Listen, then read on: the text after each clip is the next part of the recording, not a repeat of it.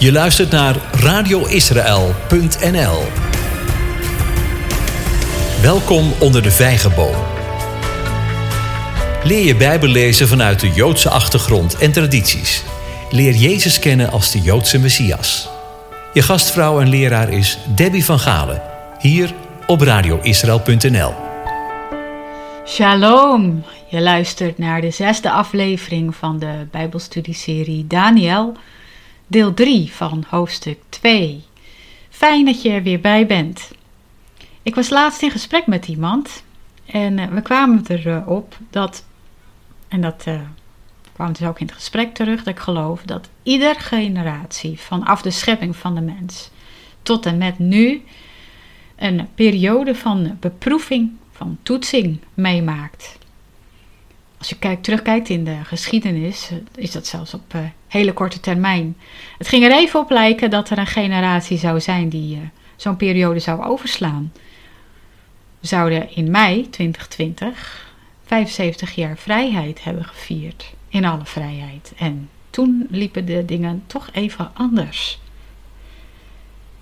Veel mensen zijn uh, nu kwaad, opstandig, neergeslagen en of angstig voor de toekomst, zelfs de hele nabije toekomst. Velen vragen zich af waar deze wereld op afstevend, nu het stuurloos lijkt te zijn. En ja, wie is daarvoor verantwoordelijk? De woede en angst die dat bij mensen oproept, is begrijpelijk. De wijze waarop dat naar buiten komt, ook binnen het lichaam van Christus, binnen de gemeente in Nederland, is niet altijd even wenselijk. En dan druk ik me nog zachtjes uit. In deze studie gaan we leren uh, over de houding die Daniel heeft aangenomen en welke lessen we daaruit kunnen trekken voor onszelf. De houding die door de kinderen van God aangenomen hoort te worden, moeten worden, waardoor we een helder schijnend licht zullen laten schijnen. We zijn gebleven bij hoofdstuk 2, vers 24. Hoofdstuk 2 van Daniel, vers 24. Ik lees uit de herziene staatvertaling, voor het geval je dat ooit eens af hebt gevraagd. En hier vers 24. Daarom trad Daniel binnen bij Arioch, die de koning had aangesteld om de wijzen van Babel om te brengen. Hij ging naar hem toe en zei het volgende tegen hem: Breng de wijzen van Babel niet om. Breng mij bij de koning, zodat ik de koning de uitleg te kennen kan geven. Het doden van de wijzen van het gewest Babel was al in gang gezet en zou gewoon doorgaan, zelfs al zou Daniel de, zaak aan de koning bekendmaken. Waar we in vers 18 nog lazen dat Daniel en zijn vrienden om openbaring van de Heere hadden verzocht om zelf niet met de wijze te worden gedood, verandert hier toch de bewoording en de intentie. En daarin ligt dus al onze eerste les verborgen, die Daniel en zijn vrienden blijkbaar ondertussen hadden geleerd. Het was een les die Jona had geleerd, waar Jezaja over onderwees waar Jezus de Samaritaanse vrouw op heeft gewezen in Johannes 4, vers 22. Johannes 4, vers 22. En het beroemde visioen van Petrus van het laken met onreine dieren, waar het op duidt. Redding komt niet alleen vanuit zijn volk voor zijn volk, maar van zijn volk uit ook naar de rest van de wereld. Voor het verbondsvolk is dat altijd een lastig punt geweest. Lees bijvoorbeeld Handelingen 11, vers 1 tot 4. Handelingen 11, vers 1 tot 4. De apostelen en de broeders die in Judea waren, hoorden dat ook de heidenen het woord van God aangenomen hadden. En toen Petrus naar Jeruzalem gegaan was, bestreden zij die van de besnijdenis waren hem en zeiden: U bent binnengegaan bij mannen die onbesneden zijn en u hebt met hen gegeten. Maar Petrus begon het hun in goede orde uiteen te zetten. In Jesaja 49, Jesaja 49 lezen we heel duidelijk dat de verlossing en redding niet alleen voor het verbondsvolk is, maar dat die voor heel de wereld is. We lezen met name in vers 6, vers 6, hij zei, het is te gering dat u voor mij een knecht zou zijn om op te richten de stammen van Jacob en om hen die van Israël gespaard werden terug te brengen. Te gering. Ik heb u ook, ook gegeven tot een licht voor de heidenvolken, om mijn heil te zijn tot aan het einde der aarde. De apostel Paulus had inmiddels van zijn voorgangers en hun les geleerd. En dus lezen we in Handelingen 14, vers 27. Handelingen 14, vers 27. Toen zij daar in Antiochië aangekomen waren, riepen zij de gemeente bijeen, de samenkomst, en deden er verslag van wat voor grote dingen God met hen gedaan had en dat hij voor de heidenen de deur van het geloof geopend had. Hoewel het ook voor Daniel en zijn vrienden net zo'n lastig vraagstuk was als echte Judeërs, raakten ze al snel overtuigd van het belang van hun optreden, niet alleen voor hun eigen redding, maar ook met hun voor anderen onder de heidenen om hun van een ondergang te redden, die daar geen aanspraak op zouden kunnen maken. Zij hadden de taak om als de dienstknecht van de Heere, lees maar Jesaja 43 vers 10, Jesaja 43 vers 10, om als de dienstknecht van de Heere middelaars te zijn, om de redding van de heidenen te bewerkstelligen. En wij? Hoe zit het met ons? Ook de gelovigen uit de heidenen hebben nu exact dezelfde taak en verantwoordelijkheid gekregen als discipelen van onze Heer en Verlosser, Jezus, de Joodse Messias. Terug naar Daniel. Aangezien Arioch toch de tijd had genomen om Daniel uit te leggen wat er precies aan de hand was, is het ook aannemelijk dat dit betekende dat hij zijn grote opdracht met veel tegenzin liet uitvoeren. Dat gaf Daniel ingang bij Arioch om er bij hem op aan te dringen. Ten eerste de moord op de wijzen van Babel te onderbreken en ten tweede hem bij de koning te brengen. Arioch had weinig nodig om te worden overtuigd. We lezen in vers 25, Daniel 2, vers 25. Toen bracht Arioch Daniel met spoed bij de koning en zei het volgende tegen hem. Ik heb onder de ballingen uit Juda, Judea, een man gevonden die de koning de uitleg zal laten weten.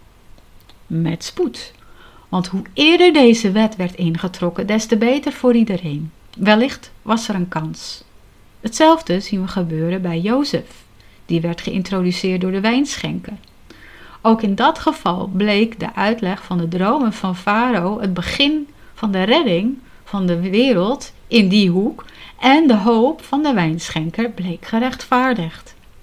Nu hoopte Arioch dat met Daniels dappere aanbod uitredding zou komen. Laten we bidden dat de Heer ook in onze tijd mannen als Arioch opricht, om uit alle macht meer slachtoffers te voorkomen. Dan staat er, hij zegt, ik heb onder de ballingen uit Juda een man gevonden. Nou, dat is een bijzondere uitspraak, gezien het feit dat hij eerder zelf daarvoor toestemming van Nebuchadnezzar had gevraagd en gekregen. Of Arioch wist daar niet van, of hij was er zo van overtuigd dat Daniel inderdaad de uitleg van de droom kon geven, dat hij er zelf zeker van wilde zijn, dat hij geëerd en beloond zou worden voor het nou ja, tussen aanhalingstekens vinden en introduceren van Daniel aan de koning. Gaan we naar vers 26. Vers 26.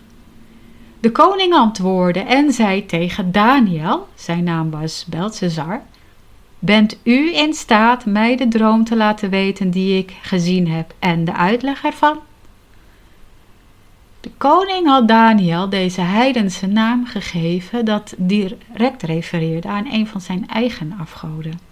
Daarom vermoedde hij dat de man die deze naam droeg wel eens de bovennatuurlijke krachten van die god had gekregen. En de droom en uitleg wellicht toch werd opgehelderd. Daniel gaf vrijwel meteen op diplomatieke wijze een weerwoord hierop. In vers 27. Schiet lekker op nu, hè? Vers 27.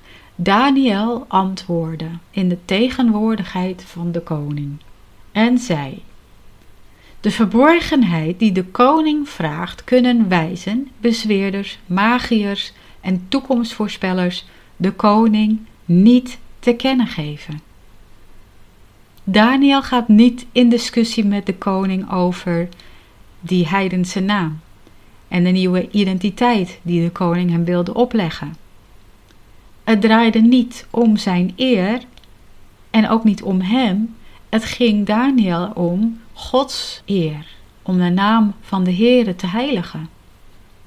Hij viel ook niet met de deur in huis met het vertellen van de droom. Dat zou de koning het idee hebben gegeven dat zijn eis eigenlijk echt wel uit te voeren was. Erg bijzonder en knap van Daniel. Zoveel nederigheid, fijngevoeligheid en zelfbeheersing als hij aan de dag legde. Daarin herken je als het goed is de uitwerking van de Heilige Geest in hem. Dus in plaats van te discussiëren of lukraak te vertellen om zijn eigen hachje te, te redden, begon hij over de onmogelijke opdracht en dus de onredelijkheid ervan die de koning zijn raadslieden had gegeven. Het is opmerkelijk dat Daniel hiermee compassie toonde en die ook van de koning vroeg voor een groep mensen die de werken van het rijk van de duisternis uitvoeren. Wijzen, astrologen, necromantiërs en diegenen die met demonen in contact staan. Als we dat even naar onze tijd brengen, kan ik me goed voorstellen dat het idee om deze houding aan te nemen richting de werkers van het kwade die de huidige wereld hebben overspoeld, je bij wijze van spreken doet knarsen tanden. We hebben al eerder gezien dat we met dezelfde categorie raadgevers te maken hebben als Daniel en zijn vrienden destijds. Moeten wij ook met diezelfde compassie hun leven toewensen? Laat me je even meenemen naar Jona, Jona 4, vers 10 en 11. Jona 4, vers 10 en 11. Daarop zei de Heere, U ontziet die wonderboom, waarvoor u niet gezocht hebt en die u niet hebt laten groeien, die in één nacht ontstond en in één nacht verging. Zou ik dan die grote stad Nineveh niet ontzien, waarin meer dan 120.000 mensen zijn die het verschil tussen hun rechter en linkerhand niet weten en daarbij veel vee? Zowel de Ninevieten als de raadslieden van Nebukadnezar hadden geen benul van de Torah, de rechtvaardige instellingen en bepalingen van God, waardoor ze niet in staat waren links, dus fout, en rechts, van goed, te onderscheiden. Iedereen verdient een kans en die krijgt het ook van onze rechtvaardige God om kennis te nemen aan de Torah, zijn woord, en ervoor te kiezen Jezus offer als losprijs voor hun schuld aan te nemen. Door Daniels optreden werden de wijzen, de astrologen, de necromantiërs en diegenen die in contact stonden met de demonen niet alleen gered van hun fysieke dood, ze kregen ook de kans zich te bekeren tot de God van Daniel en discipelen te worden van Daniel en zijn vrienden, om wel het verschil tussen hun linker en rechterhand te leren kennen, het verschil tussen goed en kwaad, en zo hun ziel te redden. De vraag is nu: kunnen de hedendaagse wijzen, astrologen enzovoorts enzovoorts die onze overheid raad geven, het worden verweten dat zij in het openbaar doen, alsof zij in het bezit zijn van kennis van goed en kwaad, en in het geheim precies het tegenovergestelde doen, ook nu de hele wereld toegang tot de Bijbel en tot het Evangelie heeft? Weten zij werkelijk niet wat zij doen? Of weten ze het wel, maar is hun idee van goed en kwaad zo verdraaid geraakt dat God hun heeft overgegeven aan hun hersenspinsels en aan de vader van alle leugenaars? Zijn ze overtuigd dat wat goed is als kwaad moet worden gezien en vice versa? Hoe moeten wij dit zien en benaderen? Met compassie? Of met smart wachtend op een ondergang? Er bestaat een oud boek, stammend uit de 18e eeuw, genaamd Monita Secreta Societatis Jesu. Mijn Latijn. Oftewel, de geheime instructies van de Jezuïeten, inclusief de vier geloften van de Jezuïeten. Inmiddels is dit boek niet meer zo geheim, aangezien het nu als een PDF-bestand op het internet staat, Engelstalig uiteraard. De link daarnaartoe staat in de beschrijving van deze uitzending, mocht u er interesse in hebben om eh, er zelf kennis van te nemen. Alleen al de introductie is erg verhelderend en biedt een interessante kijk op hoe onze politici in uh, hun in de openbaarheid gebrachte geheimen afdoen als complottheorieën en de mensen die de geheimen in de openbaarheid brengen ongeloofwaardig maken. Behalve dat is de inhoud van de gelofte die Jezuïeten af moeten leggen ook opvallend en zeer schokkend. Een gelofte die de huidige paus, maar ook bijvoorbeeld Dr. Fauci en alle Jezuïeten vanaf toen, de oprichting, tot heden, hebben afgelegd en moeten afleggen om toegelaten te worden tot de geheime secte van de Rooms-Katholieke Kerk. Aan het einde van de gelofte worden deze woorden uitgesproken. Ik waarschuw u, dit zijn werkelijk hele schokkende woorden.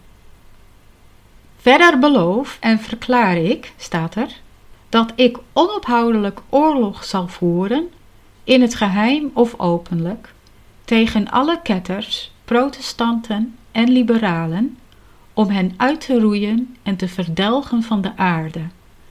En dat ik zal ophangen, verbranden, uithongeren, koken, villen, wurgen en levend begraven, deze ketters, hun buiken zal openrijten en hun kinderen uit hun baarmoeders rukken en de hoofden van hun baby's zal verpletteren tegen muren om voor eeuwig hun afschuwelijk ras uit te roeien. Ja, daar word je wel even stil van, hè? Maar komen deze woorden ook niet in grote lijnen voor in Openbaring 13, vers 7? Openbaring 13, vers 7. En het beest werd macht gegeven om oorlog te voeren tegen de heiligen en om hen te overwinnen. En hem werd macht gegeven over elke stam, taal en volk. Later in dit boek, Daniel hoofdstuk 7, vers 21. Daniel 7, vers 21 staat: Ik had namelijk toegekeken en gezien dat die horen oorlog voerde tegen de heiligen en dat hij hen overwon. Terugkijkend in de geschiedenis zien we dat al, er al meerdere pogingen zijn ondernomen door dit genootschap om hun plannen, deze plannen, voor elkaar te krijgen. Zo ook heden ten dagen. En op een schaal, zoals we eerder niet gezien hebben, geheel in lijn met de profetieën in de Bijbel over de tijd van het einde. Later in de studie van dit Bijbelboek gaan we daar dieper op in, maar voorlopig blijven we nog even bij Daniel in dit hoofdstuk en zijn houding ten opzichte van de door demonen gedreven tovenaars en andere raadslieden.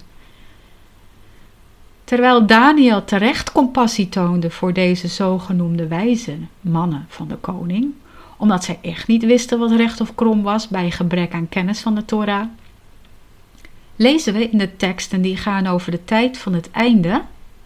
Ik gebruik heel bewust de woorden de tijd van het einde en niet eindtijd. De reden daarvoor is, is de eindtijd is eh, begonnen met de komst van de Messias. De tijd van het einde is het allerlaatste stukje voor de opname en wederkomst. Goed, terug naar, uh, naar de studie. um, we lezen in de, tijd, in de teksten die gaan over de tijd van het einde, over een hele andere benadering voor die personen, die willens en wetens meewerken aan het oorlog voeren tegen de heiligen.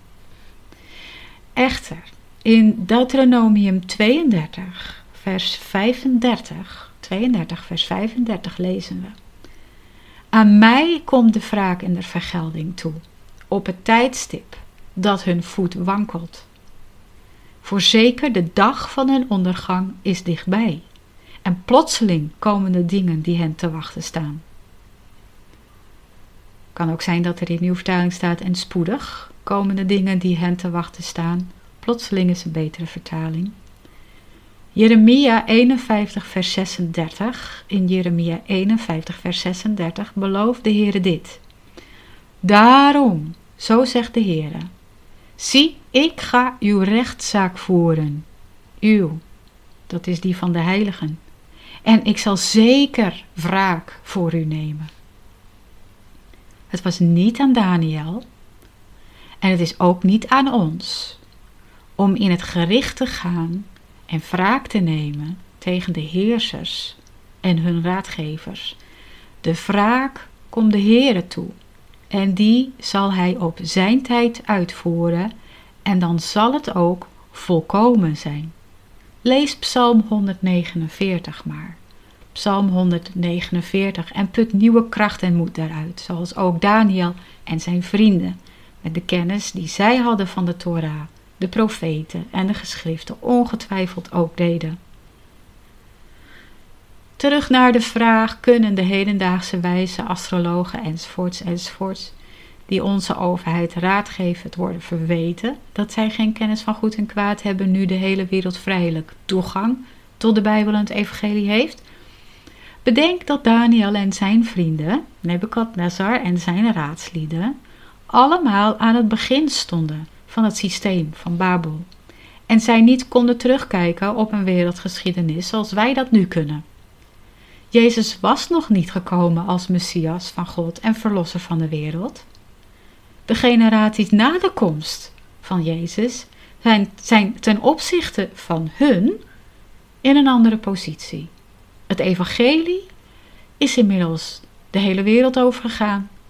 Het koninkrijk van de hemel is met Jezus' eerste komst naar deze wereld een feit die zich vanaf toen heeft gevestigd en vanaf toen is uitgebreid met iedere wedergeboren ziel die hem heeft aangenomen als Heer en Heiland, totdat hij weer komt als koning. Het systeem van Babel en de rijk die erna kwamen, de rijken, sorry, die erna kwamen, hebben zich ondertussen ook in alle hoeken, gaten en kieren van de wereld als weerhaken vastgezet in alle aspecten van dit aardse leven. En wij hebben nu meer kennis van zaken dan ooit tevoren tot de beschikking van de mens stond. We weten van bepaalde bekende figuren dat zij zich onverwoestbare goden wanen, voor wie niets meer verborgen lijkt te zijn. Die spreken met christelijk klinkende en zalvende woorden om alle wereldbewoners te misleiden. En die geloven dat zij al hun kwade plannen verborgen kunnen houden. Maar het is niet aan ons om wraakzuchtig te zijn richting deze mensen.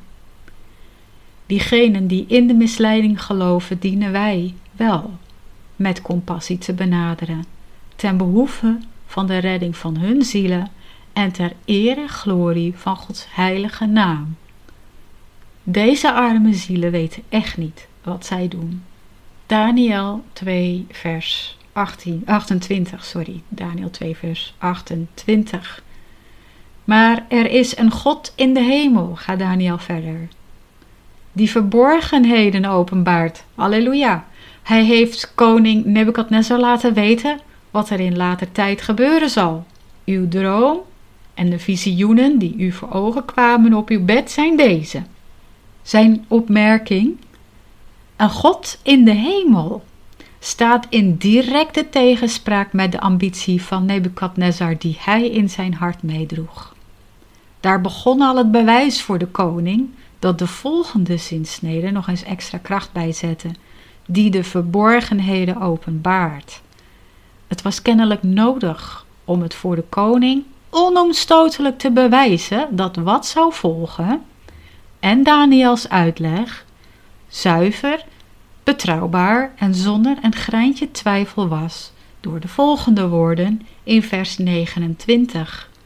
Vers 29. Terwijl u, o koning, op uw bed lag. Hoor je het respect, o koning? Op uw bed lag, kwamen er gedachten in u op over wat hierna gebeuren zal. En hij die de verborgenheden openbaart, heeft u laten weten wat er daarna gebeuren zal. Twee dingen. Daniel vertelt in een woord van kennis dat God aan hem, aan Daniel, de gedachten van de koning heeft laten weten toen die zich aan het afvragen was wat voor toekomst voor hem en zijn rijk was bestemd nu dat hij zijn rijk al heel erg had vergroot. Hoeveel groter kon het nog worden? Wat, wat voor andere hoogte zou hij kunnen gaan bereiken? Hij had de ambitie om een koningschap te vestigen dat eeuwig was en waarvoor hij altijd alle eer zou krijgen. Zijn plan was om op die manier zijn plaats onder de goden te verdienen en zelfs de oppergod die ze toen kenden van zijn plaats te stoten en zelf oppergod te worden. Bovendien duidde Daniel de plaats aan waar Nebukadnezar daarover had liggen peinzen of zitten peinzen, namelijk op zijn bed. Nou zou je kunnen zeggen, logische plaats voor iemand die een droom had gehad. Maar hier vertelt Daniel wat er vooraf ging aan de droom. Dit overpeinzen had namelijk op iedere plek kunnen hebben plaatsgevonden. Sterker nog, hij had in zijn stoel in slaap kunnen vallen en een droom kunnen hebben gehad. Daniel had niet kunnen weten waar precies de koning was. God liet hem dat weten en dat was voor Nebukadnezar bewijs dat Daniel echt verborgen dingen was geopenbaard. Door die twee zaken te benoemen, versterkte Daniel zijn geloofwaardigheid. En er kon dus geen twijfel over bestaan dat zijn uitleg van de droom niet op een serie toevalligheden was gebaseerd. Het was Daniel er ook alles aangelegen dat de Heere God alle eer en glorie hiervoor zou krijgen. Hij maakte er een punt van te benoemen dat er een God is die boven alle goden staat en die als alle verborgenheden kent en kan openbaren wanneer hij dat wenst. Alles, inclusief Daniel, maar ook de koning, is aan God in de hemel onderworpen, toen en nu. Daniel 2, vers 30. Vers 30. Mij nu, aan mij, is deze verborgenheid geopenbaard. Niet door een wijsheid die, mij, uh, die in mij is, boven alle levenden, maar daarom dat men de koning de uitleg ervan zou laten weten en dat u de gedachten van uw hart zou weten. Tot drie keer toe benoemt Daniel vrijwel in één adem dat de verborgenheden, zowel de dingen die een mens in zijn hart bezig kunnen houden, zonder die te delen met een ander mens. Als de geheimen die voor de toekomst zijn weggelegd, door God alleen geopenbaard kunnen worden. Hij liet nogmaals weten dat de koning onredelijk was geweest in zijn eis van zijn raadgevers om hem te laten weten wat hij gedroomd had. Laat staan wat de uitleg ervan was. Mij nu is deze verborgenheid geopenbaard, zegt Daniel, maar niet omdat ik die wijsheid in pacht heb, laat staan meer dan welk ander mens dan ook. Wel om de koning te laten weten welke gedachten hem bezig hadden gehouden. Omdat de koning overdag hierover had na zitten denken, werd het bij avond gepieker. En toen hij eenmaal in de nacht in slaap was gevallen, kwam deze droom als resultaat en antwoord op zijn gepieker. Zelfs dromen die een echte boodschap overbrengen, zijn vaak het gevolg van datgene waar men in hun gedachten zich al eerder mee bezig had gehouden. Die gedachten vormen het kader voor zowel de droom als de uitleg ervan. De noviteit van een droom die God geeft, ligt in de unieke combinatie. De unieke combinatie van beelden en ideeën die al aanwezig in iemands gedachten zijn. Het werkt hetzelfde als de bijzondere wijze waarop de Heilige Geest iemand woorden van wijsheid en kennis in gedachten brengt om te zeggen wat men al eerder in Gods woord heeft gelezen of gehoord, zoals Jezus zijn discipelen ook leerde in Johannes 14, vers 26. Johannes 14, vers 26. En de trooster, de Heilige Geest, die de Vader zenden zal in mijn naam, die zal u in alles onderwijzen en u in herinnering brengen alles wat ik u gezegd heb. De Heilige Geest zal ons in herinnering brengen. Alles wat Jezus ons gezegd heeft. Wat meer is, in Johannes 16, vers 13 en 14, Johannes 13, vers, eh, sorry, Johannes 16, vers 13 en 14 staat, maar wanneer die komt, de geest van de waarheid, zal hij u de weg wijzen in heel de waarheid. Want hij zal niet vanuit zichzelf spreken, maar wat hij gehoord zal hebben, zal hij spreken. En de toekomstige dingen, en de toekomstige dingen zal hij u verkondigen. Die zal mij verheerlijken, want hij zal het uit het mijne nemen en het u verkondigen. En dat is wat we hier in Daniel ook zien. De toekomstige dingen zijn Daniel verkondigd in de droom van Nebukadnezar. En Daniel, door alle eer aan God te geven voor het ontvangen en het openbaren van de verborgen dingen, verheerlijkt de Heere. We zien deze woorden in dit gedeelte dus in Daniel bevestigd. De volgende aantal keren in deze Bijbelstudieserie zullen we de droom zelf en de uitleg ervan uitgebreid gaan bestuderen. Zit er dan maar goed klaar voor, want de Heilige Geest zal ons hierdoor onderwijzen alles wat wij moeten weten voor de tijd waarin wij nu leven. Hiermee sluiten we deze uitzending af. Ik bid dat het tot zegen en opbouw voor u is geweest. De volgende keer zullen we Daniel horen vertellen over de droom en de uitleg ervan en zien we uit naar wat we dan weer geopenbaard zullen krijgen door hem die zijn vrienden bekend maakt wat hij van plan is te gaan doen. Mijn naam is Debbie van Galen. Je luisterde naar Onder de Vijgenboom, het Bijbelstudieprogramma van radioisrael.nl. Hartelijk dank daarvoor. God zegen en vrede voor jou. En lied groot.